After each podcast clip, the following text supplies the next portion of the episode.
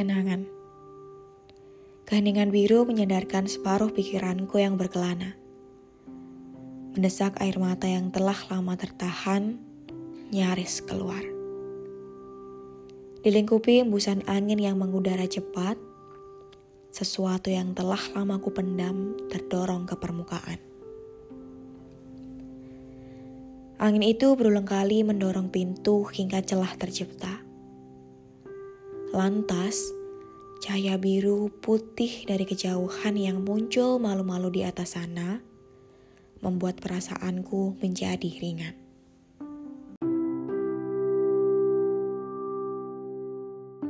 Kenangan keluarga yang hadir lagi. Ada kami berdua menunggu sarapan pagi sampai ibu siap.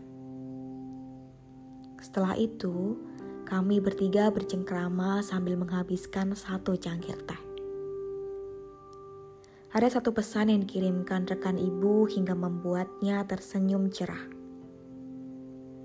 Aku yang juga tersenyum meski tak akan paham. Pada minggu pagi yang mendung, ada aroma kopi ada rasutan tanya yang tersemat lembut setiap kali aku memulai hari. Ada ribuan kisah yang tak hentinya terlontar.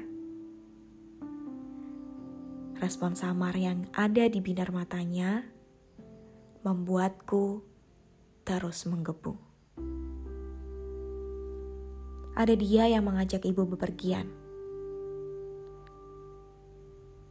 Di kala bosan, kami bertiga menjejak satu kota ke kota lain bersama.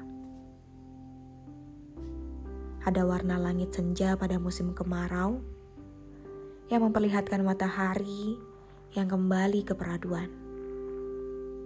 Ibu mengajakku istirahat untuk menutup hari. Ada banyak siang dan malam yang kami lalui dengan tawa tersimpul kenangan indah yang akan senantiasa hidup dalam kesenduan. Semua yang bisa kulakukan sudah kulakukan rasanya.